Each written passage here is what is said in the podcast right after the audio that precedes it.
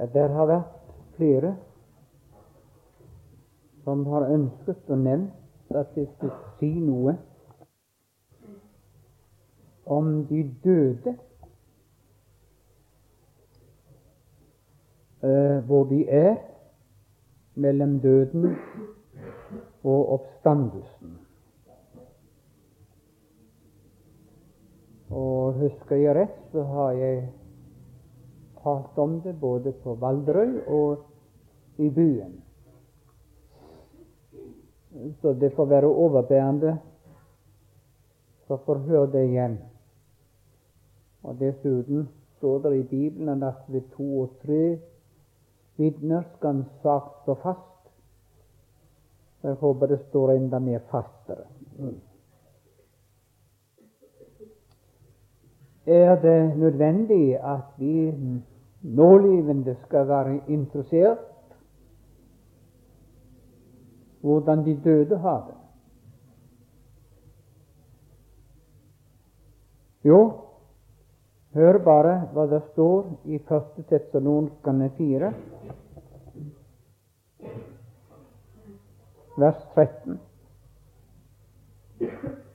Men vi vil ikke, brødre, at dere skal være uvitende om de hensovne.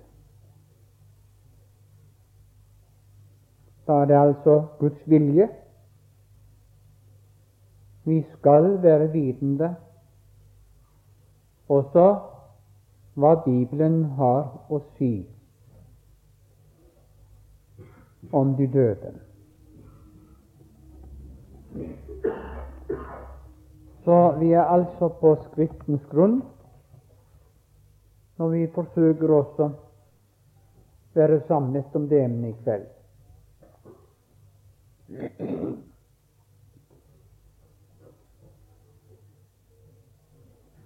Siden døden kom inn i verden, har disse spørsmål fulgt etter. Hvor er de? Hvordan har de det?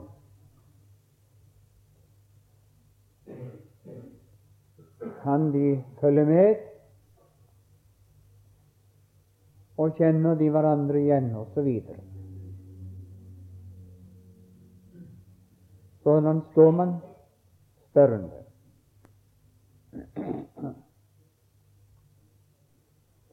På en måte så er døden et jernteppe. Blir det moderne uttrykk nå, som ingen får komme tilbake ifra, og heller ingen komme innenfor. Og dermed er man avskåret fra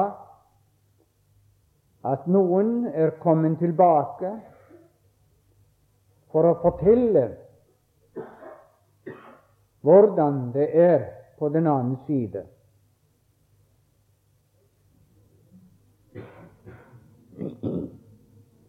Og det kunne vært veldig interessant at vi i Bibelen hadde hatt et og annet ord av Lasarus når han kom tilbake til livet og fortalte oss hvordan han hadde det.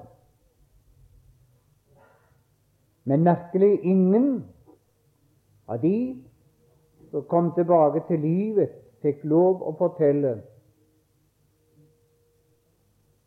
hvordan livet var på den annen side.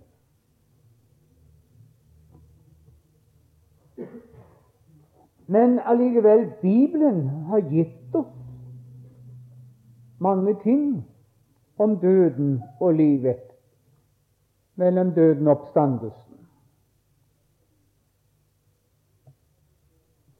Og det som Bibelen har gitt, det er nok for oss å vite i nåtid.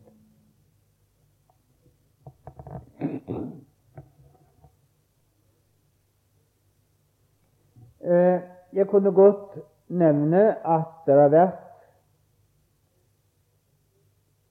flere meninger som eh, vi trygt kan si er falske oppfatninger. Vi har f.eks. læren eller teorien om at alle de avdøde, deres sjel, går med ned i legemet i graven, og der sover sjelen.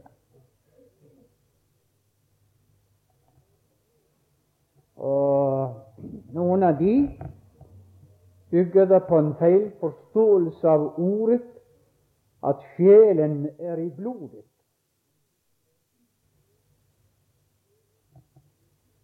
Det uttrykket at sjelen er i blodet, det er bare brukt og sagt om dyr, aldri om mennesker.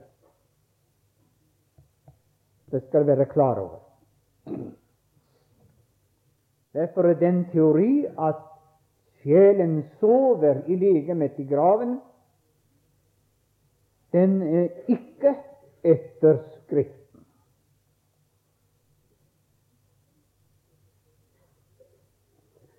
En annen teori er bygd på en feil forståelse av Hebreabrevet 12.1,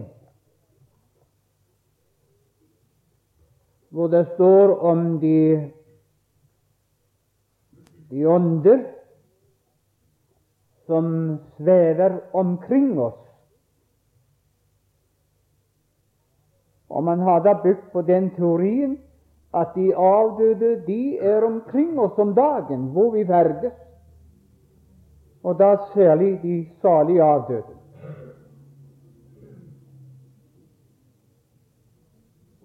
Det står nemlig slik da vi har en så stor sky av vitner omkring oss. La oss holde fast ved bekjennelsen osv. Den store sky av vitner, det er de som omtales i kapittel 11, nemlig troskapitlet. At det går an å gå fram, seire og nå fram Vi tro. Disse står som en stor sky av vitner om oss til å fortsette på løpebanen og troes veien. Det er betydningen av ordet. Det har ingenting med de avdøde som svever omkring oss.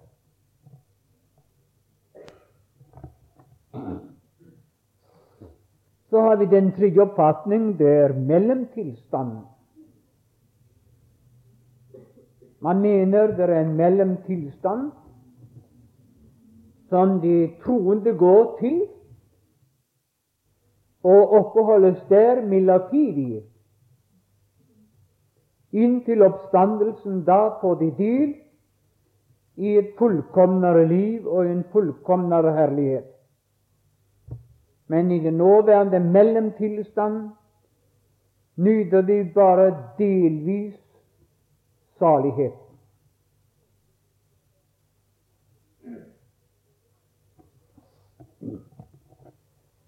Jeg vet ikke om dere eldre vil huske så langt tilbake som i 1928, tenkte jeg det var. Så kom det ut to bøker her i landet av to kjente menn. Den første var av Hallesby. Og Hallesby han behandlet en, en avdeling der i boken om døden og livet imellom døden og oppstandelsen. Han slo fast at alle mennesker gikk til en mellomtilstand etter døden, uansett hvem de var. De troende så vel som de ikke-troende. Like etterpå så rykte Ludvig Hope ut med sin bok 'I liv og i død'. Og hans bok var ikke lite oppgjør og angrep Ikke på personen, men på den læreoppfatning som Hallesby hadde holdt fram. I sin bok slår han fast at de troende går ikke til noen mellomtilstand,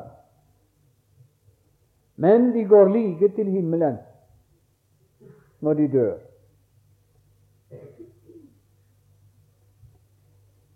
Så skulle jeg tale til høymesse i Haugesund kirke. Og daværende prest var den senere domprost i Stavanger, Korneliussen. En gild, leser, prest, på alle måter. Så hadde de to også i sakresti og så, og så prekte om disse bøkene, for de var aktuelle i dagens diskusjon, både i Dagen og flere aviser. Så sier prosten Ja, nå kaller jeg han prost, for han var prost sist i Stavanger. I grunnen så har de rett, begge to, sa. Ja, hva mener du med det? Jo, de har rett, både Halsby og Ludvig Hope. Ja, men her de står jo stikk imot hverandre. Nei, sa han, de har rett, begge to. De bare ser det på hver sin kant, da.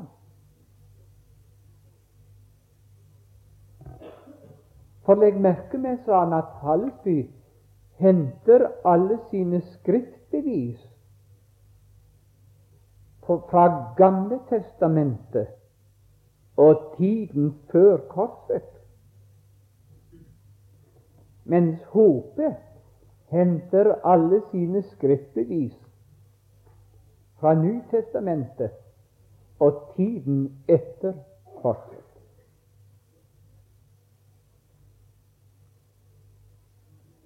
eh, Første hadde fullstendig rett. Og i grunnen var de ikke motsetninger, de bare holdt fram hver sitt syn. Og fra da av tror jeg kan si at dette emnet interesserte meg, så jeg våger også stå fram med det i dag. Vi da skal da stille spørsmålet Hvor gikk de av før korset? Uttrykket 'før korset' det skulle sikkert alle i denne forsamlingen forstå. Før Kristi død og oppstandelse. Hvor gikk de av før, når de døde?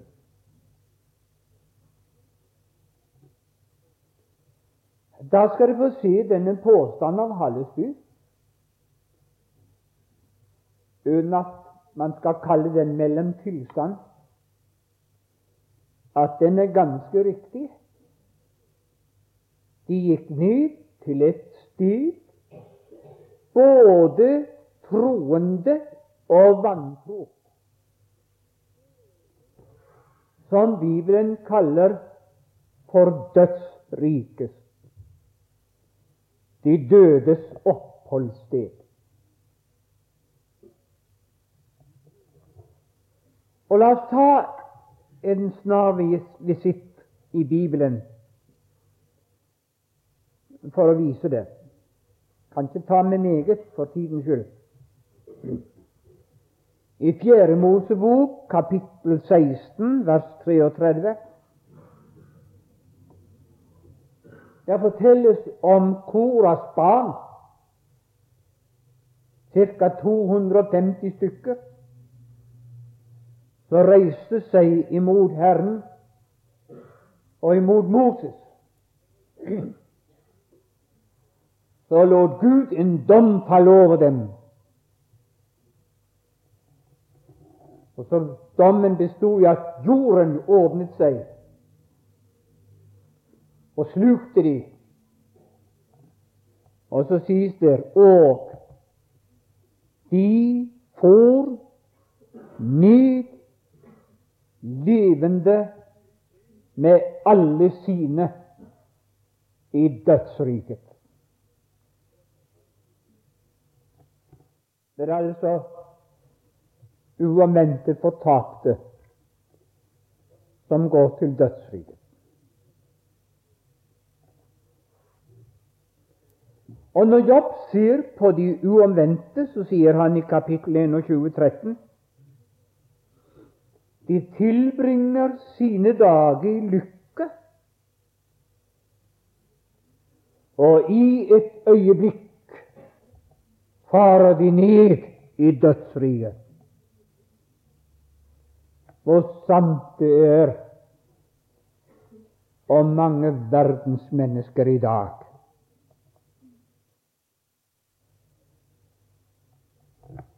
De to ordene får være nok å bevise at de uomvendte går ned i dødsriket.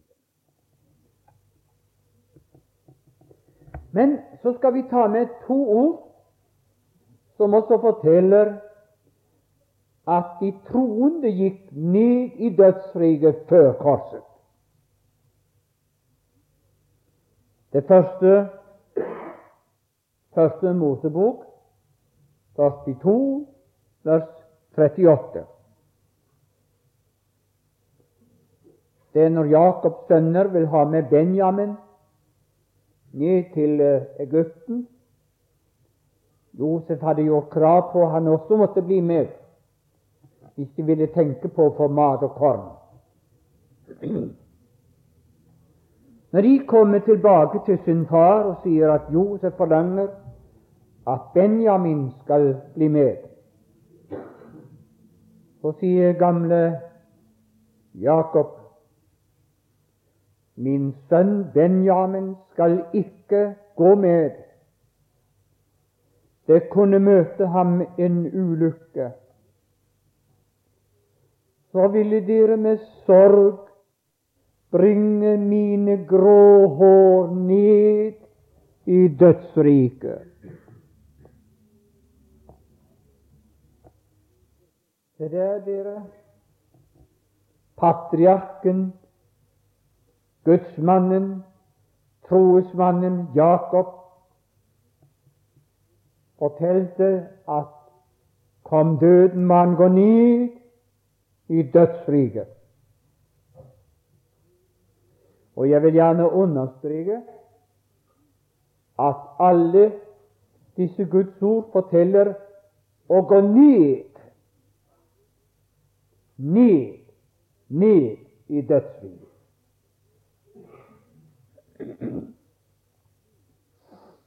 I Isaias 38,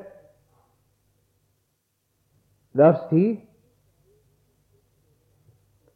der sier kong Isekias, og det var i forbindelse med en sugeperiode I mine rolige dager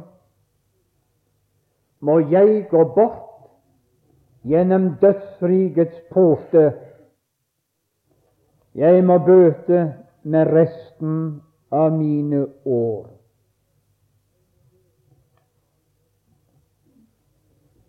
Sådan dere regnet Gamle testamentets troende før korset om døden, at de skulle gå ned i dødsriket. De troende så vel som de vantro. Men allikevel er det Guds ord som forteller at selv om de gikk ned der, disse troende, så gikk de med en visshet en forventning, et håp, at de ikke skulle bli værende i dødsriket. Se bare hva Salmen eh, 49, 16 sier oss. Der sier salmisten Min Gud skal forløse min sjel av dødsrikets vold. For han skal ta meg til seg. Uttrykket 'dødsrikets vold' det er en som er kommet i dødsrikets makt. Det er ikke døden det tales om. Men han skal forløse meg derfra og ta meg til seg. Og Jobb, vet dere, han forkynte Jeg vet at min gjenløser lever. Det var ved tanken på forløsning ifra dødsriket. Og mange, mange flere. Nå har vi en beretning i Lukas 16 som vi pleier å kalle Den rike mann og Lasarus. Og dere, jeg vil gjerne understreke her fra talerstolen at det er ikke en lignelse, som adventistene er så kvikke å si. Det er ikke en lignelse. Det er en du kanskje. Ja. ja. Bare ta det litt rolig. Det så som ble litt uh, sånn uh, uvel. Han får litt vann, så hjelper det. Bare hør nå godt etter. Og når Jesus taler om disse to, så skal jeg legge merke med han sier der var en rik mann. Og der var en mann ved navn Lasarus. Altså begge hadde eksistert her på jorden. Og så forteller han om deres tilstand i dødsriket, merk, før korset. For beretningen gjelder før korset. Og der får vi si at i dødsriket er det to avdelinger. Den ene avdeling den kalles for Abraham sjøl. Og den annen avdeling kalles for pinens sted. Eh, Abraham det er et uttrykk som eh, finnes i historieboken av jødene, altså Talmud-boken, og som Kristus benyttet seg av. Det er altså et navn bruk på den avdeling i dødsriket som de frelste var i. Og der gikk altså Lasarus. Men den avdeling bærer også navn til. Den bærer navnet paradis i Skriften. Og eh, den gangen da, da Jesus sa til røveren på korset at i dag skal du være med meg i paradis Finnes det en sugesøster i forsamlingen nå, så må hun vise seg at hun kan få hjelp. Han er ikke så bra. Ja. Kristus i uh, Lukas 16 skildret dødsriket før korset, og påviser der at det er to avdelinger. En avdeling for de frelste, hvor Lasarus var.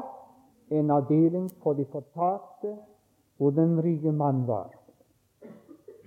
Den rike mann kalte det pinens sted. Vi skal ikke si mer om det der. Det må være nok, det. Pinens sted. Lasarus så han i Abrahams skjul. Det var en betegnelse på den avdeling hvor de frelste var, som finnes omtalt til og med i Talmud og også den avdeling som kalles paradis i Talmud og i Bibelen.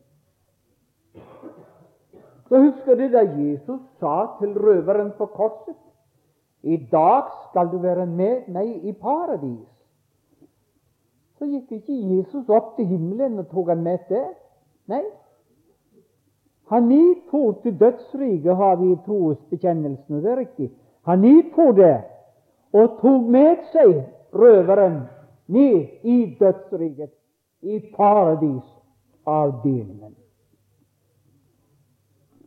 Tøvet om at han forkynte et frelsende budskap der, står det ingenting om i Bibelen. Han forkynte oppstandelsesbudskapet, at de visstnok skulle dømmes som mennesker i kjødet, dvs. Si på legeme, men leve som Gud i ånden, altså alltid eksisterende. Det var budskapet han forkynte.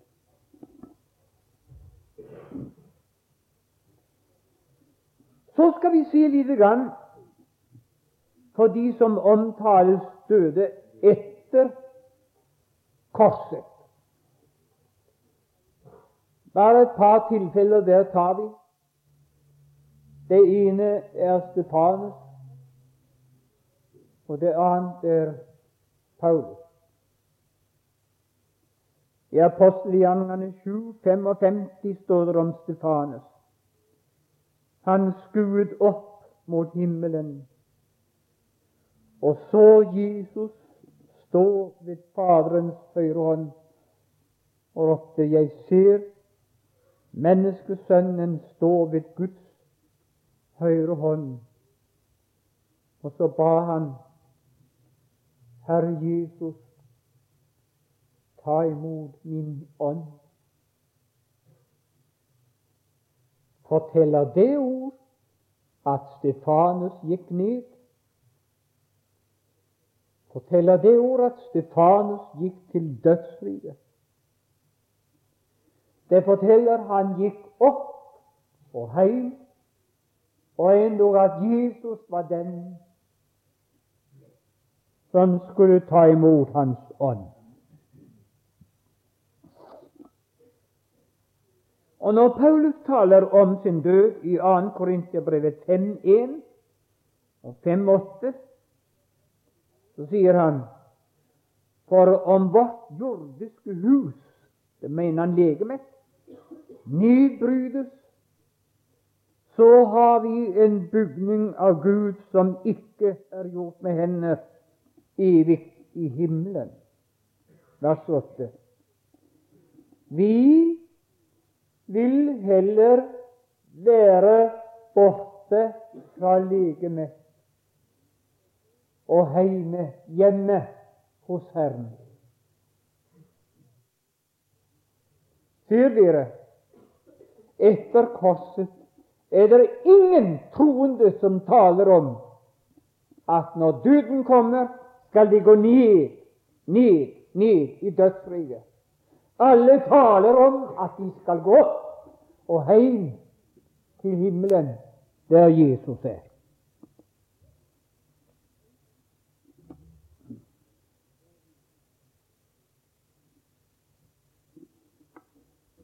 Eh, så kommer spørsmålet Har Kristi forløsningsverk på korset en så vidstrekkende arm eller kraft at den, at den også har angått de avdøde troende i dødsriket.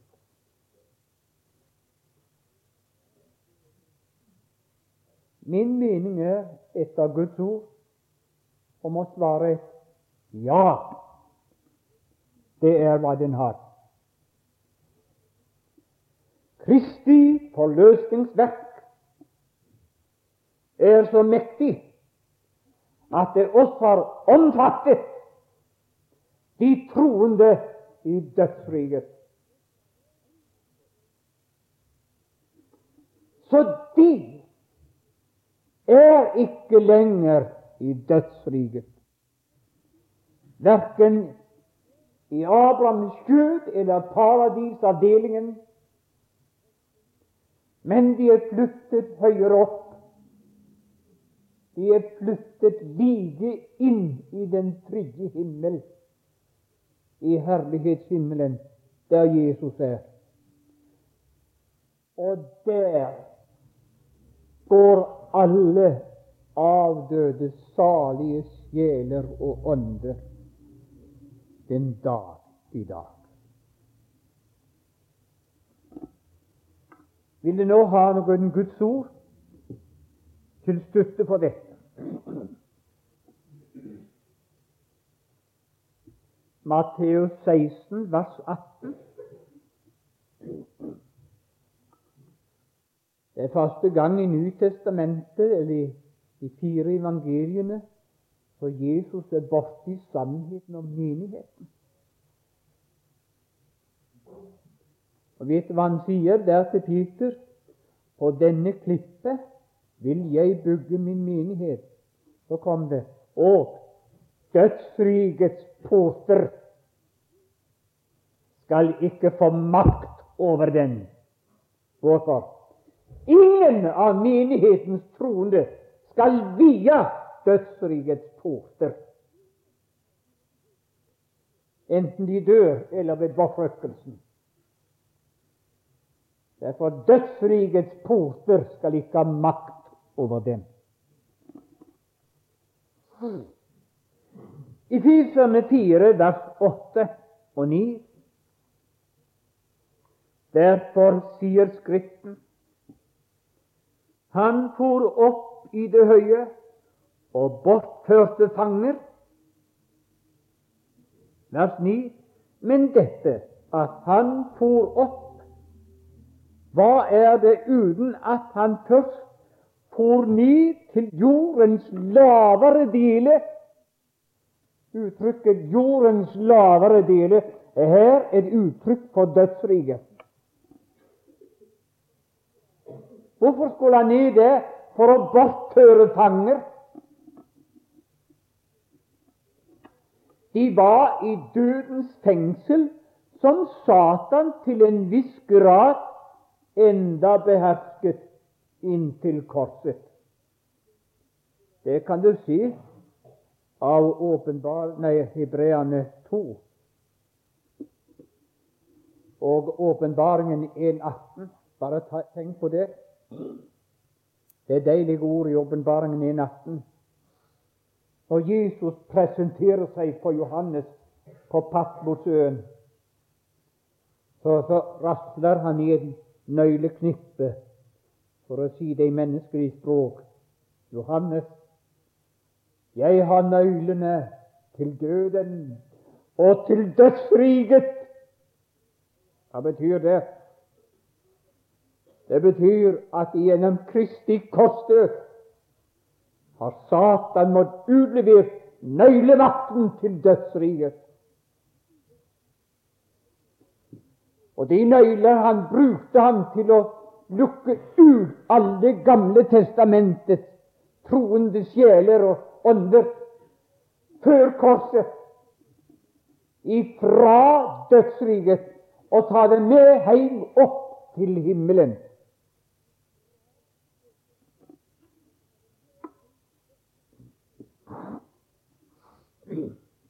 Og så skal du si et ord til, det er Hebreane 2,11. Nei, forlatelse 2,10. Det sømmet seg for ham da han førte mange barn til herligheten. Det uttrykket sikter ikke hen til en framtid. Det er noe som har funnet sted, og det har funnet sted av sammenhengen i forbindelse med da han led og smakte døden, og eh, sikkert oppstandelsen eller himmelfarten. Da førte han mange barn til herlighet.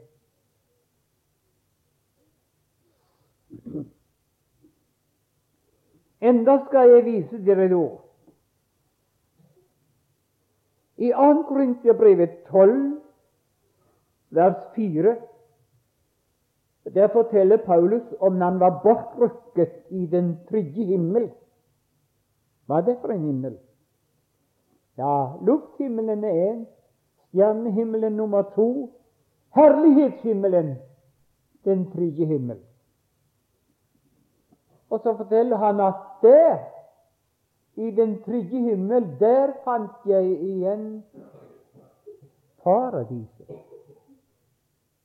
Oho, ja. Hva betyr det? Kristus har altså i kraft av frelsesstyrke og utlevering av nøklene fra Satan vært og så flyttet paradiset fra dødsriket og så like i den trygge himmel. Der er de nå. Og hadde Paulus tid til det, fikk han sikkert hilse på røveren som han tok med seg, som borgermester Solem sa, som det første prøvekolliet på, på nåden i korset da han gikk ny dødsriket. Og nå fant han han sikkert igjen der.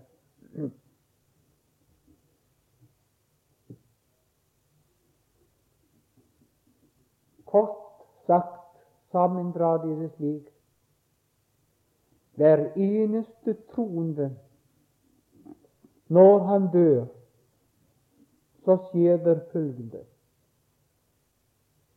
Sjel og ånd går ut av dette legemet.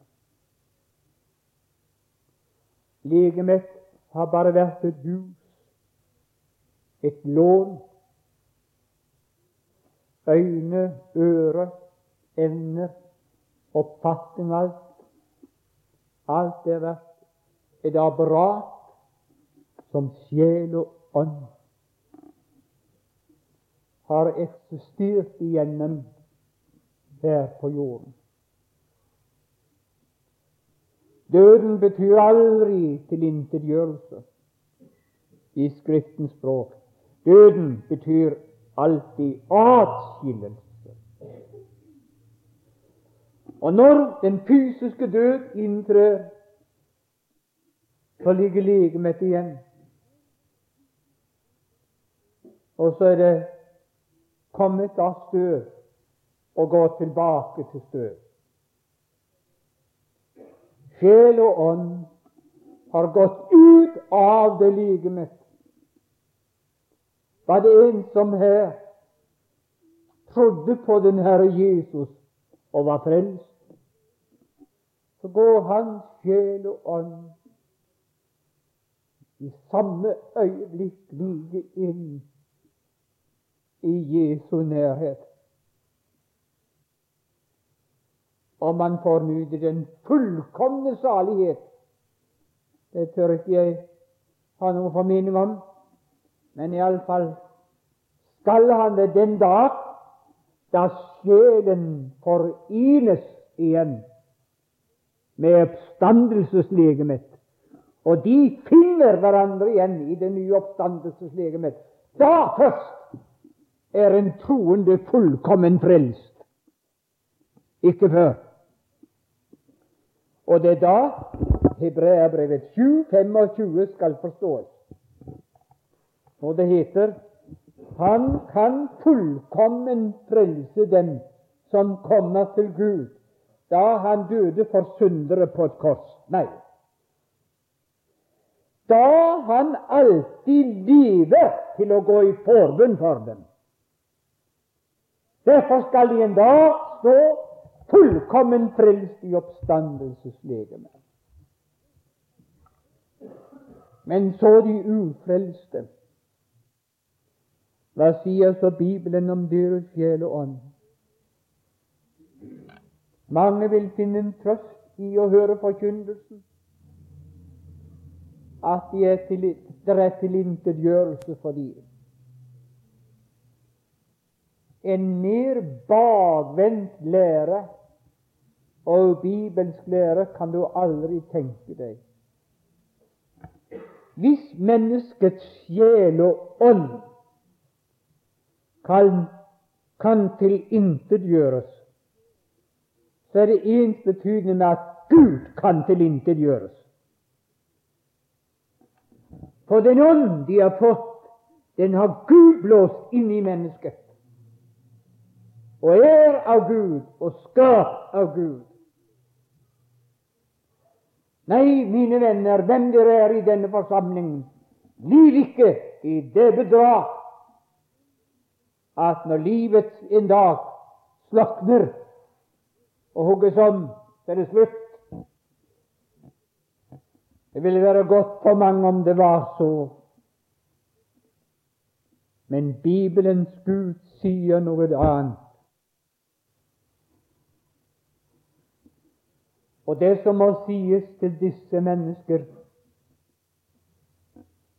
det er at de kommer akkurat til samme sted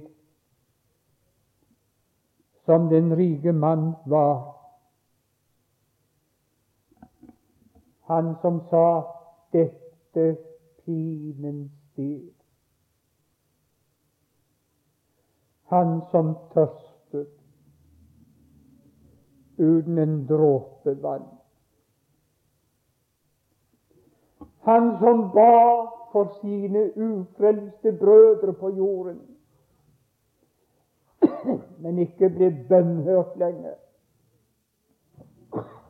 Han som hadde omsorg for sine nærmestes frelse nå, men ikke hadde det da han gikk på jorden.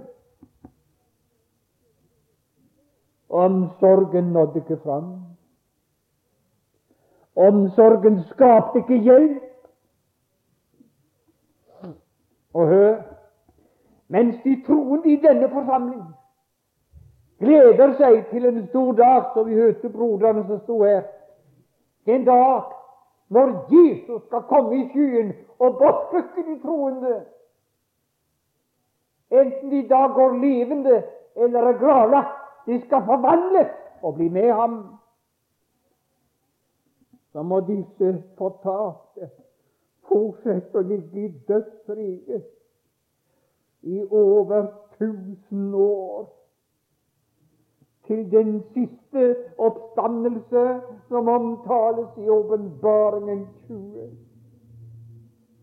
Da de skal oppstå og stå i et legeme et legeme som skal avspeile det syndeliv de lever i her. Og så kommer dommedag. Det kan godt hende noen av dere sitter her. Dette her er fantasi. Nei, min venn, det er ikke fantasi. Jeg tør påstå at tviler du på det, så skal jeg overbevise deg med Guds ord at dette er sannheten. Enten vil du og jeg bli med i den første oppstandelse, eller må du bli med i den siste oppdannelse. Om du så banner og nekter alt, du skal like fullt bli med. Og derfor ber jeg om å sitte noen her som ikke er frelst, Skjønt deg, skjønt deg å ta, ta Guds rike i dag. Se, det venter, det venter på deg. Kunne ikke budskapet om Han som gikk over veien i går Han som var så heldig, han lot seg frelse på et møte inne i fiskerheimen i byen forteller de. Og så ble jeg kjørt ned, og så i evigheten. Kan ikke det vekke dere uomvendte som sitter her? Nei, det er det verste. Det ser så ut at døden vekker ikke folk lenger. Det er bare med følende tanker og ord som følger, og så er det glemt. Han de bar ut her, kunne vært jeg, og det kunne vært du. Jeg vet ikke hvor det går, han det vet du, det får vi vel høre. Men eh, det har hendt ofte. Jeg har båret de ut for siste gang. fra et bedehus. Folk som ikke er frelst. Jeg ber deg igjen, skjønt deg, skjønt deg å ta. Ta Guds rike i dag. Se, det venter, det venter på deg. Å himmelske Fader, velsign den som måtte sitte i forsamlingen her og enda ikke er frelst. Velsign ham med vekkelse. Velsign ham med spesielt nådekall, så han må kapitulere og la seg frelse og gled de troende på nytt igjen med hva som meg venter. Takk. Takk for du gledet meg på nytt igjen at Gud er på tronen ennå. Lovet være ditt navn. Og så står det ikke på. Og så er alle dine hellige i din hånd. Ikke bare alle dine hellige, men saken og alt det vi putler med her nede, det har du fullkommen kontroll over. Du er på tronen ennå, og du kommer din i hu. Nå må du også velsigne denne offeruken. Nå skal vi ta kollekt, er planen. Og den betyr en gave til Guds sak. Nå får du minne de troende om at de må være med i kveld og gi noe. Gjør deg Gud. Amen.